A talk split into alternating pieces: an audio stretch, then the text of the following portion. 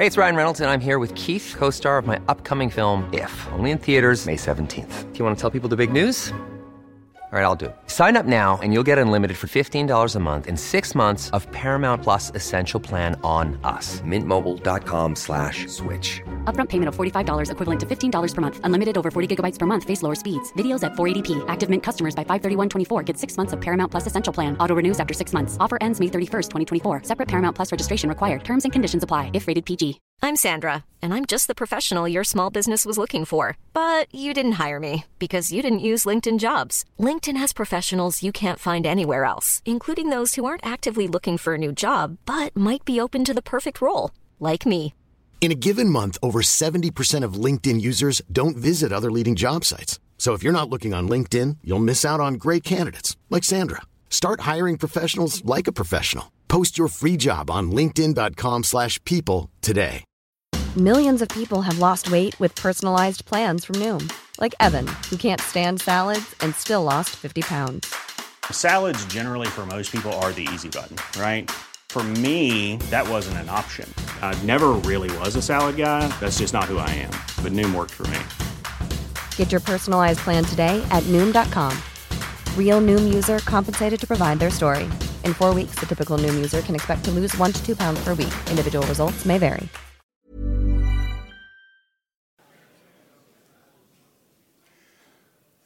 Generaler, admiraler, medlemmer, gjester, kadetter i stort antall. Varmt velkommen, hver og en, til enda et mandags medlemsmøte i eh, Oslo Militære Samfunn. En viktig administrativ ting til de medlemmene som vil være med på vår 199. stiftelsesmiddag. Meld dere på. Fristen er 23. februar. Det er enda kuverter, men ikke så veldig mange. Meld dere på. Det blir en fin, fin middag. Sist mandag hadde vi besøk av forsvarsministeren. I dag har sjefen for E-tjenesten lagt frem sin årlige trusselvurdering sammen med flere tilsvarende. Budskapet i det som har blitt sagt de siste ukene, er selvfølgelig bakgrunnen for den uro, utrygghet og de spørsmål vi alle sammen har i forhold til hva skjer i årene fremover, sikkerhetspolitisk, trusselsmessig, med landet vårt, med naboland i Europa. Bakgrunnen er Putins Russland. Totalt uberegnelig og fullstendig innstilt på å gjøre det han kan for å ødelegge det samfunnet vi har klart å bygge opp i liberale, åpne Vesten. Vårt svar er bl.a. å bygge opp en militær slagkraft som gjør at selv Putin forstår at det er ingenting å vinne på å prøve militære fremstøt utover det som allerede så forfeilet har blitt begått i Ukraina. Status og utfordringer i Forsvaret er aftenens foredragstittel. Den tittelen har vært brukt før, men bakteppet har aldri vært verre, aldri vært så alvorlig etter annen verdenskrig. Velkommen tilbake til oss, forsvarssjef. Nå er vi spent på dine tanker om hvordan møte de truslene vi står overfor. Velkommen tilbake, forsvarssjef. Tusen takk for, eh, for introduksjonen, eh, og takk for eh, at jeg får komme hit igjen. Jeg vil jo starte med å takke. da. Jeg syns vi skal takke folkene våre i Forsvaret, som står på hver eneste dag for å løse oppdrag både her hjemme og ikke minst også ute i verden, og også i støtten til Ukraina. Det er veldig mange folk som jobber hver dag for å ta vare på den sikkerheten som vi har vært vant med og nytt godt av helt siden andre verdenskrig. Og så vil jeg også takke alle de som har gått foran oss. Vi har mange av dem her. Veteraner, eh, folk som har jobba i Forsvaret før, eh, folk som har jobba i forsvarssektoren, og ikke minst deltatt i forsvarsdebatten. Og til slutt vil jeg også takke Oslo Militære Samfunn, og spesielt hyggelig at dere har så mange kadetter her, for det betyr mye. Når vi ser tilbake igjen på hvordan det starta, så hadde nettopp et alternativ samfunn for å uttrykke de unge offiserene sitt synspunkt på utvikling av Forsvaret så står jeg her, og neste uke Nils Andreas Stensnes. Vi er ikke de unge lenger. De unge sitter her. Så tusen takk. Eh, Gro Harlem Brundtland sa jo en gang at det var typisk norsk å være god. Og Det kan jo oppfattes som selvgodhet eller andre ting, men jeg tenker at det ligger noe i det. Det er også veldig typisk norsk å være veldig selvkritisk. Så det er kanskje derfor vi er gode. Jeg vet ikke. Men det er opplagt at i debatten om Forsvaret så er det veldig, veldig mye som er bra. Og så er det samtidig ganske store utfordringer. Jeg kommer litt tilbake igjen til de. De eh, siste årene har vært prega av eh, de to siste årene av eh, angrepskrigen i Ukraina. Den starta jo for, for, ti år siden. Det starta i 2014 med annektering av Krim. Ukraina har vært konstant i krig i ti år. Men vi fikk en spesiell fornyelse på støtten til Ukraina etter februar 2022. En av erfaringene vi har gjort, mener jeg, er at vi skulle ha satsa mye tidligere. Vi skulle vært mye tidligere inne etter 2014 og gitt betydelig mer støtte til Ukraina i perioden før 2022. Og Det er litt av, eh, av rasjonalet for mitt eh, budskap om at vi må styrke Forsvaret. Det er for å løse det oppdraget vi har med å bevare den freden og den friheten og det demokratiet som vi aldri må ta for gitt. Og Det mener jeg at vi ser en konsekvens av i Ukraina pga. at vi var for seint ute mener jeg, i omfanget av støtten til Ukraina. Det betaler vi for nå. Eh, vi kunne ha hindra det her med en enda tydeligere og enda bedre støtte enda tidligere. Og så står vi i ei tid som jeg mener krever mye av oss. Men det krever spesielt én ting, og det, krever, og det, er samhold. Vi er i ei tid der vi må stå sammen for å møte de utfordringene vi står overfor. Dere refererte til, du refererte til trusselvurderingen som ble lagt frem i dag fra E-tjenesten Politiets sikkerhetstjeneste og Nasjonal sikkerhetsmyndighet. Og Det er ikke et lystig bilde som blir beskrevet. Hvis vi ser tilbake på fjorårets vurdering, så var den også verre enn vurderinga året før. Så det er en utvikling som går i feil retning. Det er et mørkere bilde som blir presentert for oss eh, i år enn det var i fjor.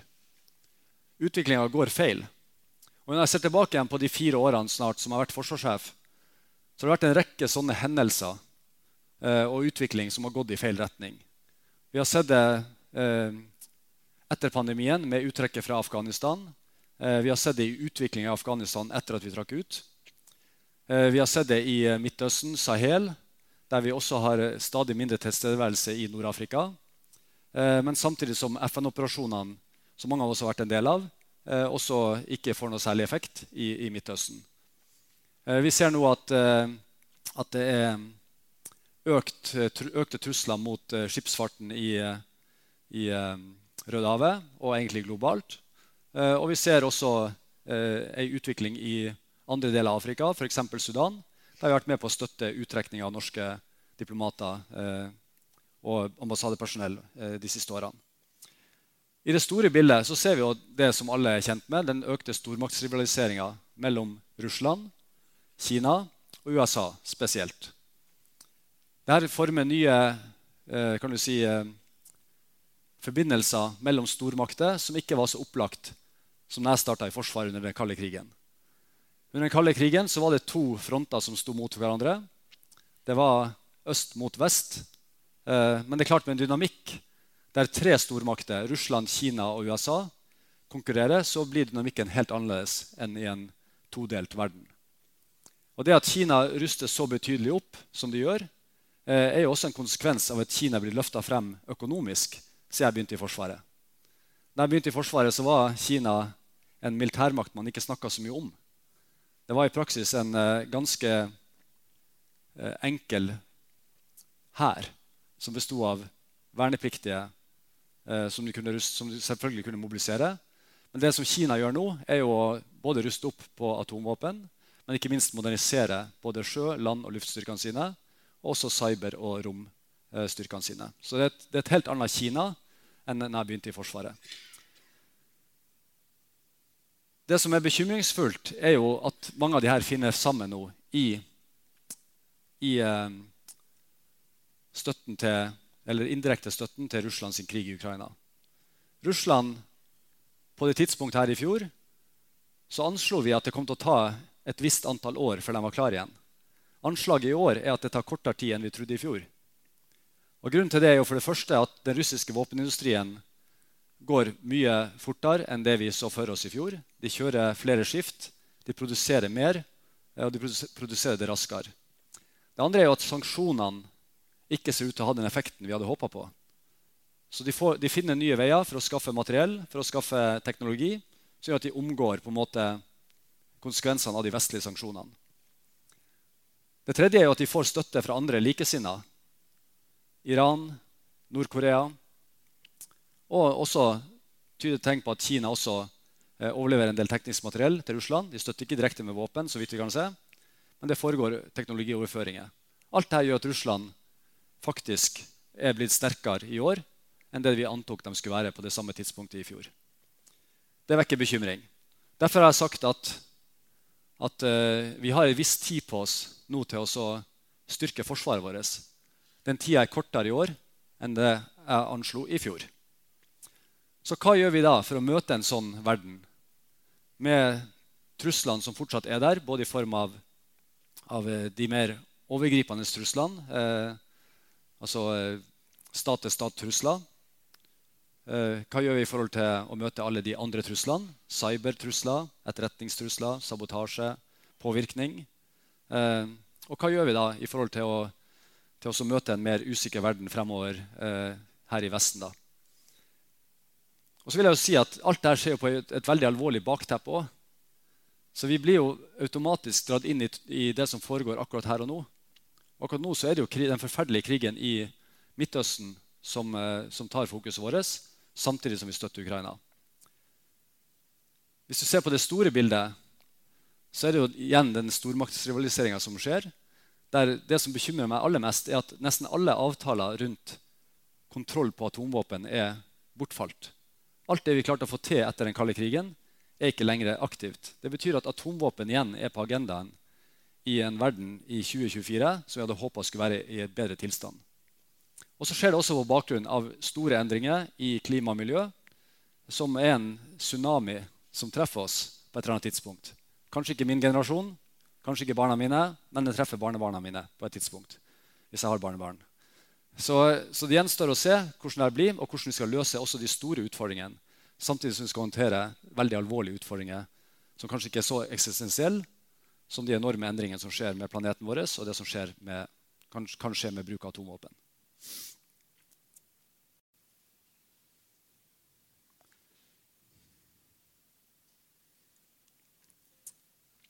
Ok. Eh, når vi kommer til, til, hvordan vi møter det her, så har vi et norsk forsvarskonsept. Skal vi se om vi får det opp. Eh, vi sier fortsatt i Norge 'aldri mer 9. april'. Jeg mener at det skal vi fortsette å si. Vi skal ikke bli overraska en gang til. Hvis vi ser tilbake igjen på 9. april 1940, så var Norge et land som hadde mange venner, men som ikke hadde allierte. Vi var nøytrale. Det som har skjedd siden, siden, 9. April, siden 1945, er at vi for det første er medlem av, en militærallianse. For det andre så har vi en rekke erfaringer fra andre verdenskrig som vi tar med oss videre. De erfaringene er jo vesentlige når vi skal utvikle Forsvaret videre også. Vi har et norsk forsvarskonsept som baserer seg på at vi har en nasjonal egenevne nedfelt i artikkel 3 i Nato. Vi baserer oss også på at vi skal få eh, alliert støtte i form av det kollektive forsvaret i Nato, altså artikkel 5. Men vi har også et konsept der vi har nære allierte som har bilaterale avtaler med oss, som gjør at de står enda nærmere enn det hele det kollektive forsvaret i Nato. Alt dette er jo understøtta av et totalforsvar der vi fortsatt har de lovene og reglene i, i, i, kraft som vi også etablerte under den kalde krigen. Alt ligger til rette for at vi skal få et styrka forsvar i rammen av Nato og sammen med allierte. Det ligger til rette i det norske forsvarskonseptet. Jeg har lyst til å reflektere over én hendelse 9.4.1940. og Det er oberst Birger Eriksen. Eh, oberst Birger Eriksen var på Oscarsborg Eh, han gjorde det han gjorde, som vi alle kjenner godt til. Den handlinga som han gjorde, symboliserer så mye mer enn det at Blykjer ble senka. For det første så delegerte ikke Birger Eriksen problemet videre. Han stoppa det der og da. Han kunne fint latt Blykjer seile, med stor fare for at konge, regjering og gull ikke hadde kommet seg unna. Han tok ansvar. Det andre han gjorde, var at han gjorde det her under veldig uklare omstendigheter. Det var ikke, det var ikke klart for Birger Eriksen eh, hva som var sagt eh, og gjort på sentralt nivå i Norge. Men han valgte å stole på seg sjøl og bestemte seg for å, for å eh, bruke de våpnene han hadde, for å stoppe den invasjonen som var på vei. Så Birger Eriksen gjorde det her også i en alder av 64,5 år. Det var hans siste jobb. Oberst Birger Eriksen var født i 1875. Han skulle pensjonere seg i oktober 1940, eh, 65 år. Men han gjorde det eh, et halvt år før. Så takk til Birger Eriksen for det han gjorde, og for det han symboliserte, og for det som jeg også mener vi må lære. Det at vi har et ansvar for å stoppe ting, alle sammen, på vårt nivå. Og Det norske forsvarskonseptet er et godt utgangspunkt for det her. Hvordan står det så til med det her kollektive forsvaret vårt? Hvordan står det til med oss sjøl og hvordan står det til med, med, Nato? Vi får to nye medlemmer. Vi har fått eh, Finland allerede, og Sverige er på vei inn. Jeg har brukt utrolig mye tid det siste året på nordisk forsvarssamarbeid. Det har vært en ny giv i nordisk forsvarssamarbeid helt siden Cold Response 2022. Det vi ser på kartet eh, foran dere, er jo, er jo det vi skal gjøre nå under det som vi har kalt for Nordic Response. Det er en øvelse for å operasjonalisere det at Sverige og Finland er blitt eh, forhåpentligvis da, begge medlemmer av Nato. Øvelsen starter i begynnelsen av mars. Men øvelsen har egentlig starta for lenge siden. Og Da er jeg tilbake igjen til Cold Response 2022. Etter Cold Response 2022 så møttes vi nordiske forsvarssjefene. Og så lagde vi et råd til våre politikere i alle landene, et felles råd om hva, gjøre, hva er veien videre for å integrere Finland og Sverige i Nato. Et av de rådene var øvelse Nordic Response. Et annet råd var at vi må integrere Forsvaret i de nordiske landene. Et tredje råd var at vi må lage en plan for overgangsfasen mellom eh, søknad og Nato-medlemskap. Og Et fjerde råd var at vi sammen skal se på, eh, på, hvordan vi skal understøtte en ny kommandostruktur i Nato, der vi også anbefalte at alle de nordiske landene ble lagt under Joint Force Command Norfolk. I Vilnius i fjor ble det vedtatt et nytt konsept for Nato. Det ble vedtatt en ny kommandostruktur der Norge nå er under Joint Force Command Norfolk. Og så snart den er klar, så skal hele Norden legges under den kommandoen. Det ble også vedtatt regionale planer der man før gikk bort fra de, det man kalte graduate response plan, altså fem forskjellige planer for forskjellige områder, til tre regionale planer som kan utføres eh, i hele NATO sitt ansvarsområde. I tillegg så ble det vedtatt at man skal se på en styrkestruktur som oppfyller kravene til de styrkene som skal kunne virke inn i de, regionale planene. De tre tingene der må jo nå operasjonaliseres fram mot neste Nato-møte, som er i Washington. Da er Nato 75 år, og det forventes at vi har levert på de tre områdene. Nordic Response var mye mer enn en cold response-øvelse. Eh, like etter at vi hadde snakka med de nordiske forsvarssjefene våren 2022, så møtte jeg den amerikanske forsvarssjefen i Washington. og Så snakka vi og tegna omtrent på en serviett, men på et kart, eh, hvordan vi kan knytte sammen forskjellige øvelser. Og Det er det vi er i ferd med å øve nå. Vi er i ferd med å øve store styrkeforflytninger over Atlanteren i det som kalles Steadfast Defender, en eh, stor eh, amerikanskledet øvelse. Vi kobler sammen en maritim øvelse som går hvert år utenfor Storbritannia, ledet av den maritime kommandoen i Nato. Vi kobler det sammen med den tradisjonsrike Joint Warrior, som er en antiubåtøvelse utenfor farvannene eh, mellom eh, spesielt Grønland, Island og Storbritannia, men også Norge. Og så ender vi opp i en Nordic Response. Jeg hadde sett for meg at Nordic Response skulle foregå i Sverige. Men vi endte opp i Finnmark. Litt pussig, men forklaringa var enkel. For at vi skulle integrere Finland og Sverige i nordområdene, så starta vi der så vil Nordic Response utvikle seg videre fremover til å se på andre områder eh, på Nordkalotten. Men bakgrunnen var også å se hele det store sammenhengen. At det handler ikke bare om en taktisk øvelse i norske nærområder. Det handler om noe mye, mye større enn det. Så vet vi at den store øvelsen Steadfast Defender, som alt starter med, eh, vil fortsette inn i Europa.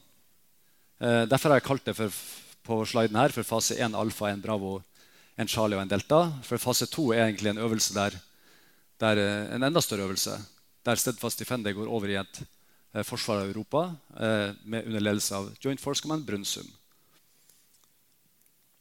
Alt dette skjer jo nå som, et, som en respons på Russlands invasjon i Ukraina. Uten en invasjon så er det vanskelig å se for seg at det hadde stått med svensk og finsk Nato-medlemskap i dag. Så Sånn sett så svarer vi ut et av de målene som Putin hadde, nemlig å svekke samholdet i Vesten. Det motsatte skjer. Vi står sammen. Vi står sammen på en måte som vi ikke har gjort på veldig veldig lenge. Og det nordiske forsvarssamarbeidet har skutt i fart som jeg bare kunne drømme om for fire år siden. Og det starta i 2022. Jeg tror jeg med hånda på hjertet kan si at vi nordiske forsvarssjefene i snitt har møttes én gang i måneden siden mars 2022. Eh, senest i forrige uke. Enten fysisk eller, eller på, på, videokonferanse. Poenget med dette er jo at sammen så klarer vi å møte et mer uforutsigbart og mer ustabilt Russland. Men det krever at vi står sammen. Og det krever at alle tar sin del av byrden med å stå sammen. Så ingen blir gratispassasjerer. Sverige og Finland vil være netto bidragsytere inn i Nato. Det er det ingen tvil om. Det er ingen tvil om at uh, det nordiske forsvarssamarbeidet blir sett på som veldig fremoverlent og veldig eh, på en måte eksemplifisere hvordan man regionalt kan finne gode løsninger som tjener hele alliansen. Og det er heller ingen tvil om at, eh, at eh, det at vi øver det her i praksis, også styrker samholdet. Så øvelser har gått over fra å være noe vi gjorde under, under den tida vi drev med operasjoner utafor eh, NATO sine nærområder, vi, når vi gjorde sånn, nesten sånn hendelsesdrevet, til å være noe som gjør at vi faktisk øver store deler av det planverket som faktisk gjelder for krise og krig. Det har vært en utvikling Norge har støtta lenge og som vi skal fortsette å støtte. Det vi gjør i år i Norge, er å sette full fart på oppbemanninga av Joint Force Command Norfolk. Planen opprinnelig var at vi skulle være ca. 25 ved utgangen av året. Målet mitt er at vi skal ha 40 offiserer på plass offiserer befal på plass i Norfolk ved utgangen av året. Hvis alle landene gjør det, så vil Joint Force Command Norfolk komme opp på Hey, it's Ryan Reynolds, and I'm here with Keith, co star of my upcoming film, If, only in theaters, May 17th. Do you want to tell people the big news?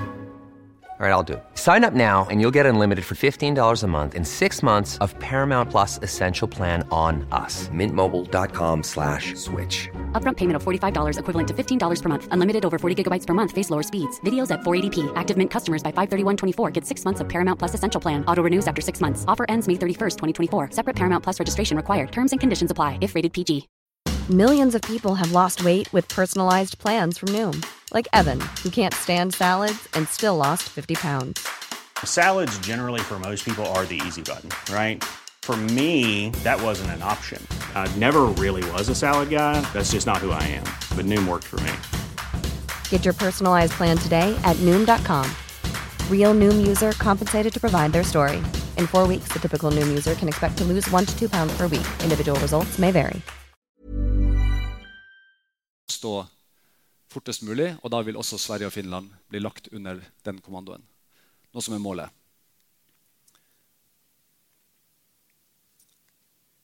Når folk spør meg hva betyr svensk og finsk Nato-medlemskap, så betyr det faktisk en ganske fundamental endring i vår, hvordan vi ser på forsvaret i Norge. Det gjør det. Eh, vi har tenkt sør-nord. Vi har vært en flankenasjon sammen med Tyrkia under den kalde krigen med grense til Russland. Nå er det veldig mange andre land som har grense til Russland. Og nå får vi også, også, Finland med. Det betyr at for å tenke sør-nord så må vi også tenke mye mer vest-øst i alt vi foretar oss i forsvarsplanlegginga. Det forandrer jo selvfølgelig hvordan vi tenker rundt alliert mottak. For det er ikke bare Norge igjen som, lenger som skal, skal, understøttes av allierte som kommer til unnsetning. Det er også Sverige og Finland. Alt dette er jo ting vi øver på nå. Og så drar vi erfaringer fra Nordic Response, og så videreutvikler vi det planverket og drar nye erfaringer fram til neste gang vi kjører en sånn øvelse. Og I forrige uke så ble i hvert fall enige vi, vi forsvarssjefene om at dette gjør vi annethvert år. som før. Og Så får vi se hvor vi legger de øvelsene eh, fra år til år.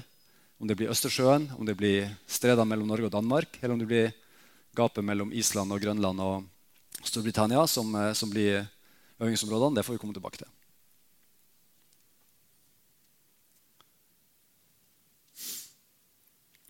Over til oss sjøl. Så starter jeg med å si at jeg er veldig stolt over folkene i Forsvaret. Jeg er også veldig stolt over det norske forsvaret. Det norske forsvaret har vært gjennom store store omstillinger i mange mange år. Det betyr at vi i Norge har egentlig et veldig godt utgangspunkt. Vi har gjort en del endringer som gjør at det er lett å bygge på det vi har. Med det forsvaret her så, vi, så klarer vi nå å understøtte ca. 4000 allierte som er i Norge på trening nå og forberede seg til cold response.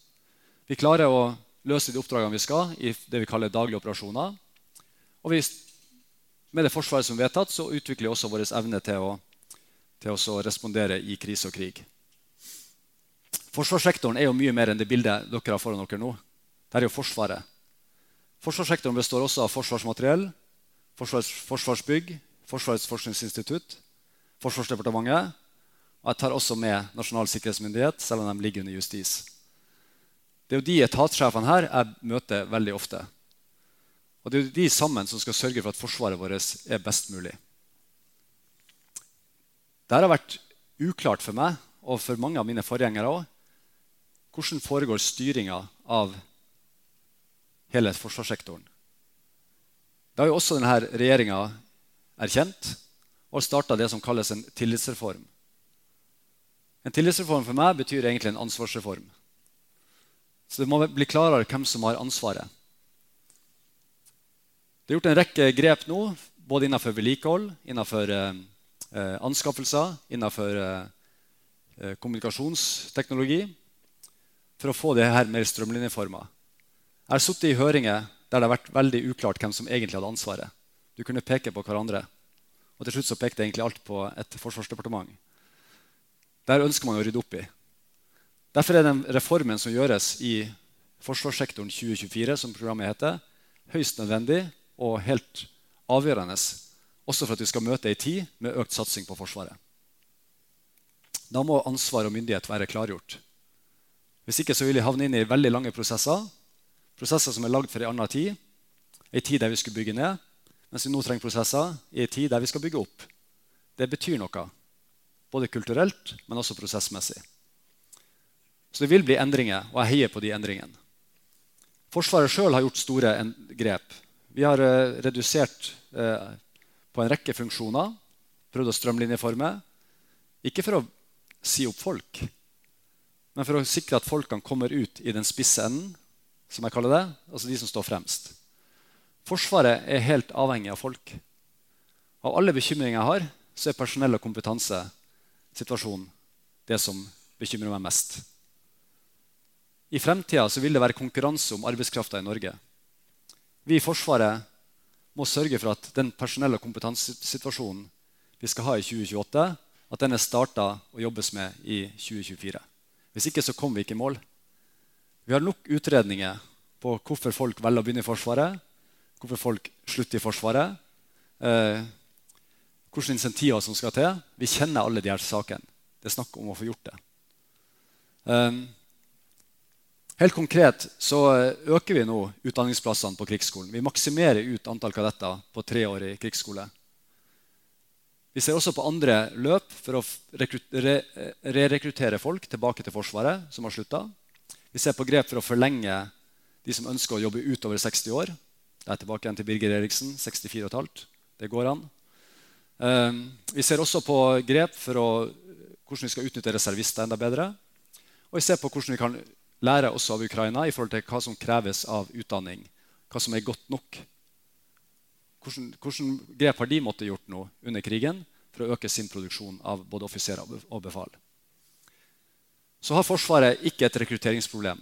Vi rekrutterer veldig godt i bunn inn i Forsvaret. Men så har vi et problem med å rekruttere til enkelte steder i Forsvaret. Og vi har en mangel på kompetanse på, på, på enkelte områder. Alt dette er ting vi må jobbe med fremover, og som blir helt vesentlig for å lykkes med økt satsing på Forsvaret. Det er ikke sånn at det første vi skal gjøre, er å øke antall vernepliktige. Vi må starte med det, det som tar lengst tid. Offiserer, befal. Og til slutt så får vi øke antall vernepliktige. Og vi må opplagt se på hvordan vi kan utnytte reservister enda bedre. Men vi må ikke stoppe med Forsvaret. Vi må huske at vi er en del av totalforsvaret. Og vi må sørge for at de gamle lovene og reglene vi har, rundt hvordan sivilsamfunnet skal støtte Forsvaret.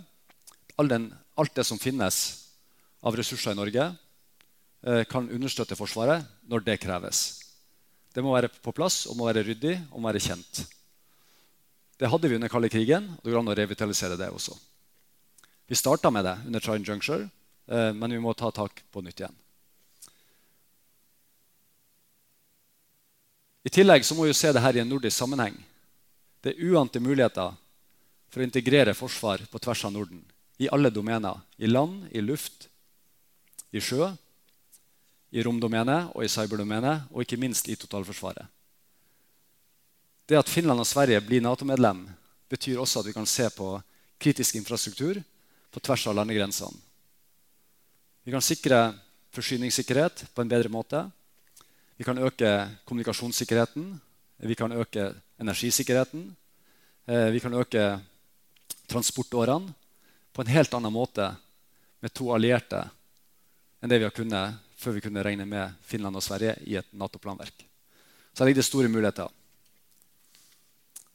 I tillegg så jobbes det veldig hardt i Forsvaret eh, med en endring av kultur. Første gang Forsvaret gjennomførte en undersøkelse om mobbing og seksuell trakassering, som gikk langt utover medarbeiderundersøkelsen, var i 2018. Og Jeg var med da. Jeg var sjef Heimevernet. Og vi gjorde en rekke grep. Vi satte i gang tiltak, handlingsplaner, enkeltgrep for å få bukt med det som opplagt er en indre fiende, og som det ikke er plass til i et moderne forsvar. Vi trenger ikke folk som ikke oppfører seg. De kan egentlig bare slutte. Det vi ser er at I forebygging av det her så må vi jobbe kontinuerlig. Derfor har vi satt fokus på arbeidet med det vi kaller profesjon og kultur. Vi må utvikle hele profesjonen i Forsvaret som en konsekvens av at vi lever i 2024. Vi må utvikle hva det betyr å, være, å gå i uniform. Hva betyr det når én av seks blir kalt inn til førstegangstjeneste? Hva betyr det for de som blir kalt inn? Vi har tatt det for gitt tror jeg, i for mange år at folk skjønner hva som gjelder i Forsvaret. Sånn er ikke samfunnet lenger. Det er en kontinuerlig arbeid som vi jobber veldig hardt med. Og nå opplever jeg at det vi har gjort som et resultat av medias søkelys på det her i 2022 og 2023, har gjort oss bedre. Så jeg vil takke media for den måten de satte fokus på det her. For det, uten den kriseforståelsen så hadde vi ikke kommet videre. Så ser vi at i Ukraina, når krigen treffer, så går arbeidet med profesjon og kultur lynraskt. Andelen kvinner i det ukrainske forsvaret ut fra tallet jeg har hørt, har økt med 140% siden krigen starta. Folk som har andre legninger, andre trosretninger, blir inkludert. I Forsvaret har vi et ord for inkludering. Vi kaller det for samvirke. Det er gjennom samvirke vi blir sterke. Samvirke mellom hær, sjø og luft det er helt opplagt for oss. Det ligger i, i eh, DNA-et vårt. Men samvirke når det kommer til inkludering, må vi bli enda bedre på i kulturen vår. Jeg er optimist fordi jeg ser at tallene ser ut til å gå ned. Og Vi skal gjennomføre en ny undersøkelse til høsten. Men, men det å sette fokus på der har, gitt, har opplagt gitt resultater.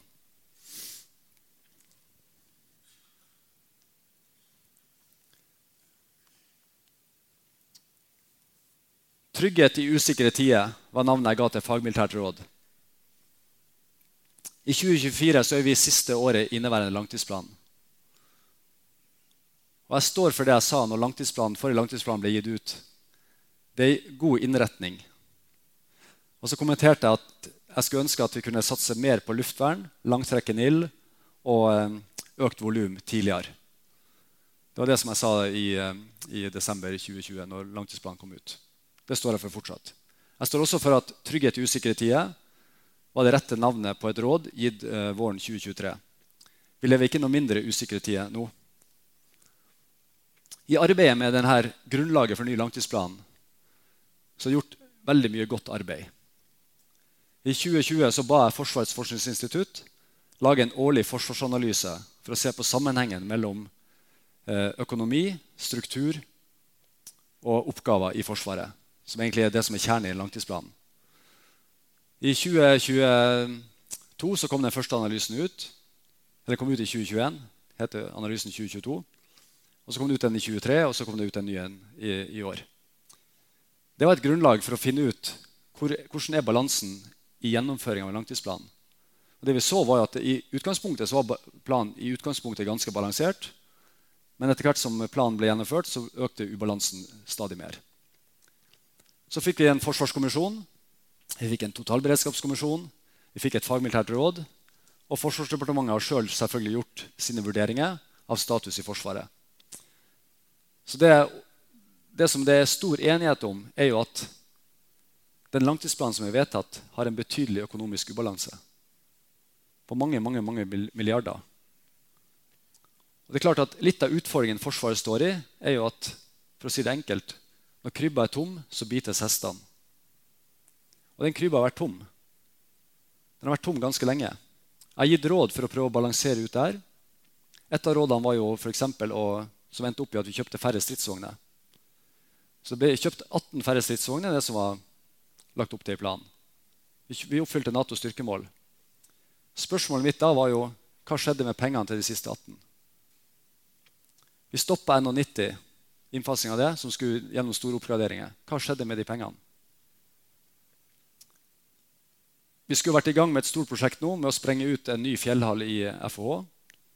Fram til nå har vi funnet andre løsninger som gjør at vi ikke har begynt med det. Vi har spart masse penger på det, eller ikke brukt masse penger på det. Hva skjedde med de? Når du har en langtidsplan som er i ubalanse, så forsvinner de pengene inn i et sluk. Det er det som har skjedd.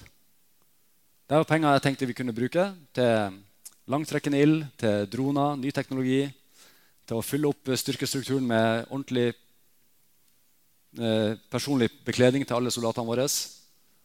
Men de pengene er ikke der. Og de var ikke der i utgangspunktet heller. Så det er utfordringa. Derfor er det så viktig for meg i det fagmilitære rådet å først og fremst få det vi har, til å virke.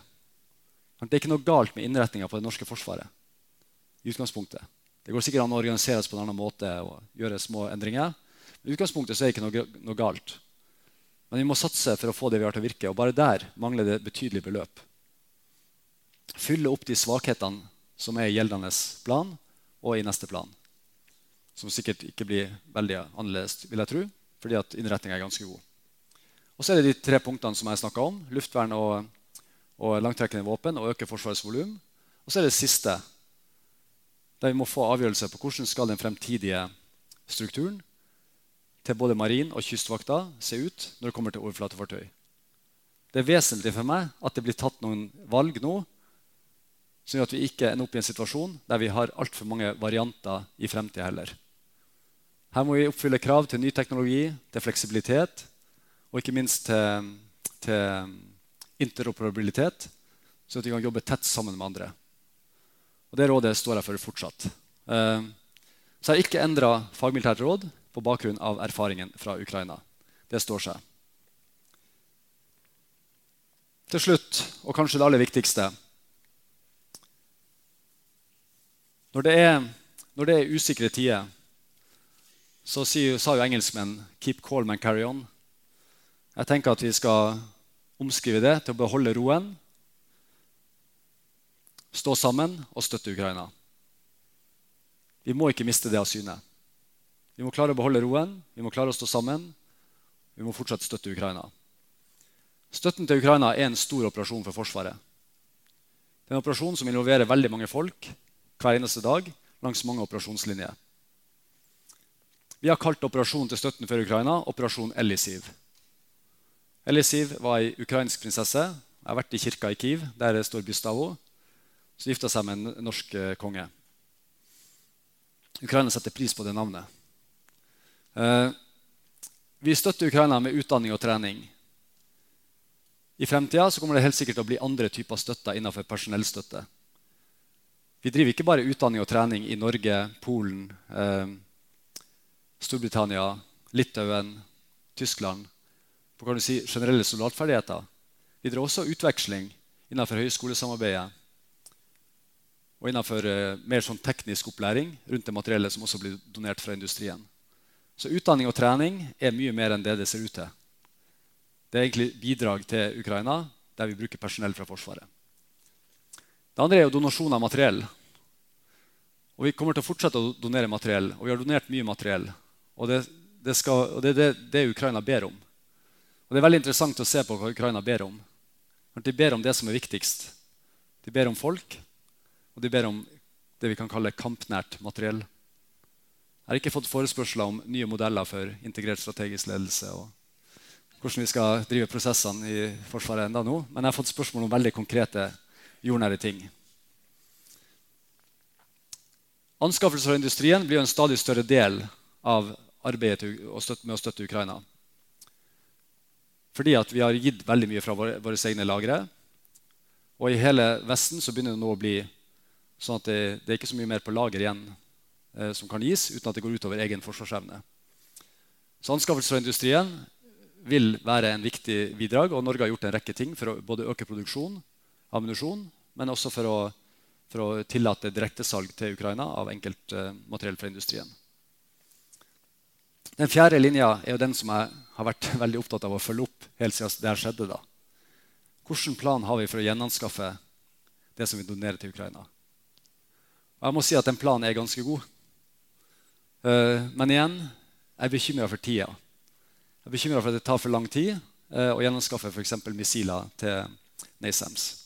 Men jeg jobber kontinuerlig med det for å presse tida på når vi kan få leveransene tilbake. Og vi har basert oss på det jeg vil kalle en kalkulert risiko. Vi har hele tida vurdert hva gjør Russland, hvor er de opptatt nå, hvor lang tid vil det ta å gjenoppbygge, hvor mye, vi, hvor mye risiko kan, vi ta på donasjon av eget materiell.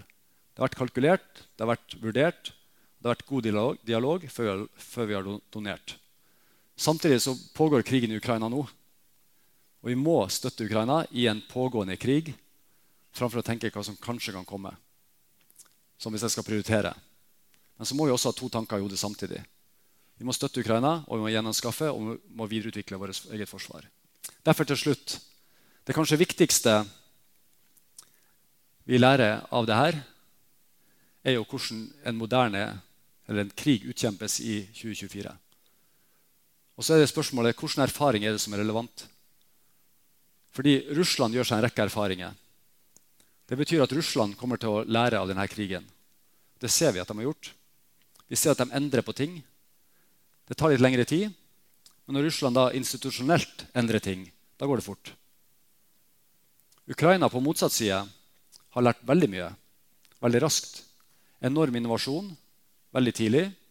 Annen kultur. Eh, som gjør at de får tatt i bruk alt det materiellet vi har donert, på en veldig god måte. Det er også erfaringer vi må ta med oss i utviklinga av Nato. Og så er det alle de erfaringene som vi sjøl gjør i det å donere materiell i en koalisjon med over 50 land som står sammen om å donere materiell til, til en uh, venn i nød. Og De erfaringene må også tas med i erfaringslæringa. Så erfaringslæring begynner å bli et veldig stort område som vi ikke bare må gjøre hjemme i Norge, men som gjøres i hele rammen av Nato. For Hvis du ser på hva general Salusjny si, eller sa rett før han gikk av, så er det ganske konsistent med mye av det vi har sagt her hjemme i Norge over mange år, om hvordan vi må ta i bruk ny teknologi for å eh, kunne stå imot de truslene som måtte komme i fremtida. Så med det vil jeg avslutte med at vi kommer til å støtte Ukraina. Vi, vi skal støtte Ukraina. Vi kommer til å, til å eh, gjøre det i mange, mange år fremover. Og jeg tenker at Ukraina kommer til å prege alle oss som er i salen her, de neste 10-12-15 årene. Det tror jeg ikke er usannsynlig å si før man har etablert god, et godt, selvstendig demokratisk land igjen som har sin egen territorielle integritet i takt. Så takk.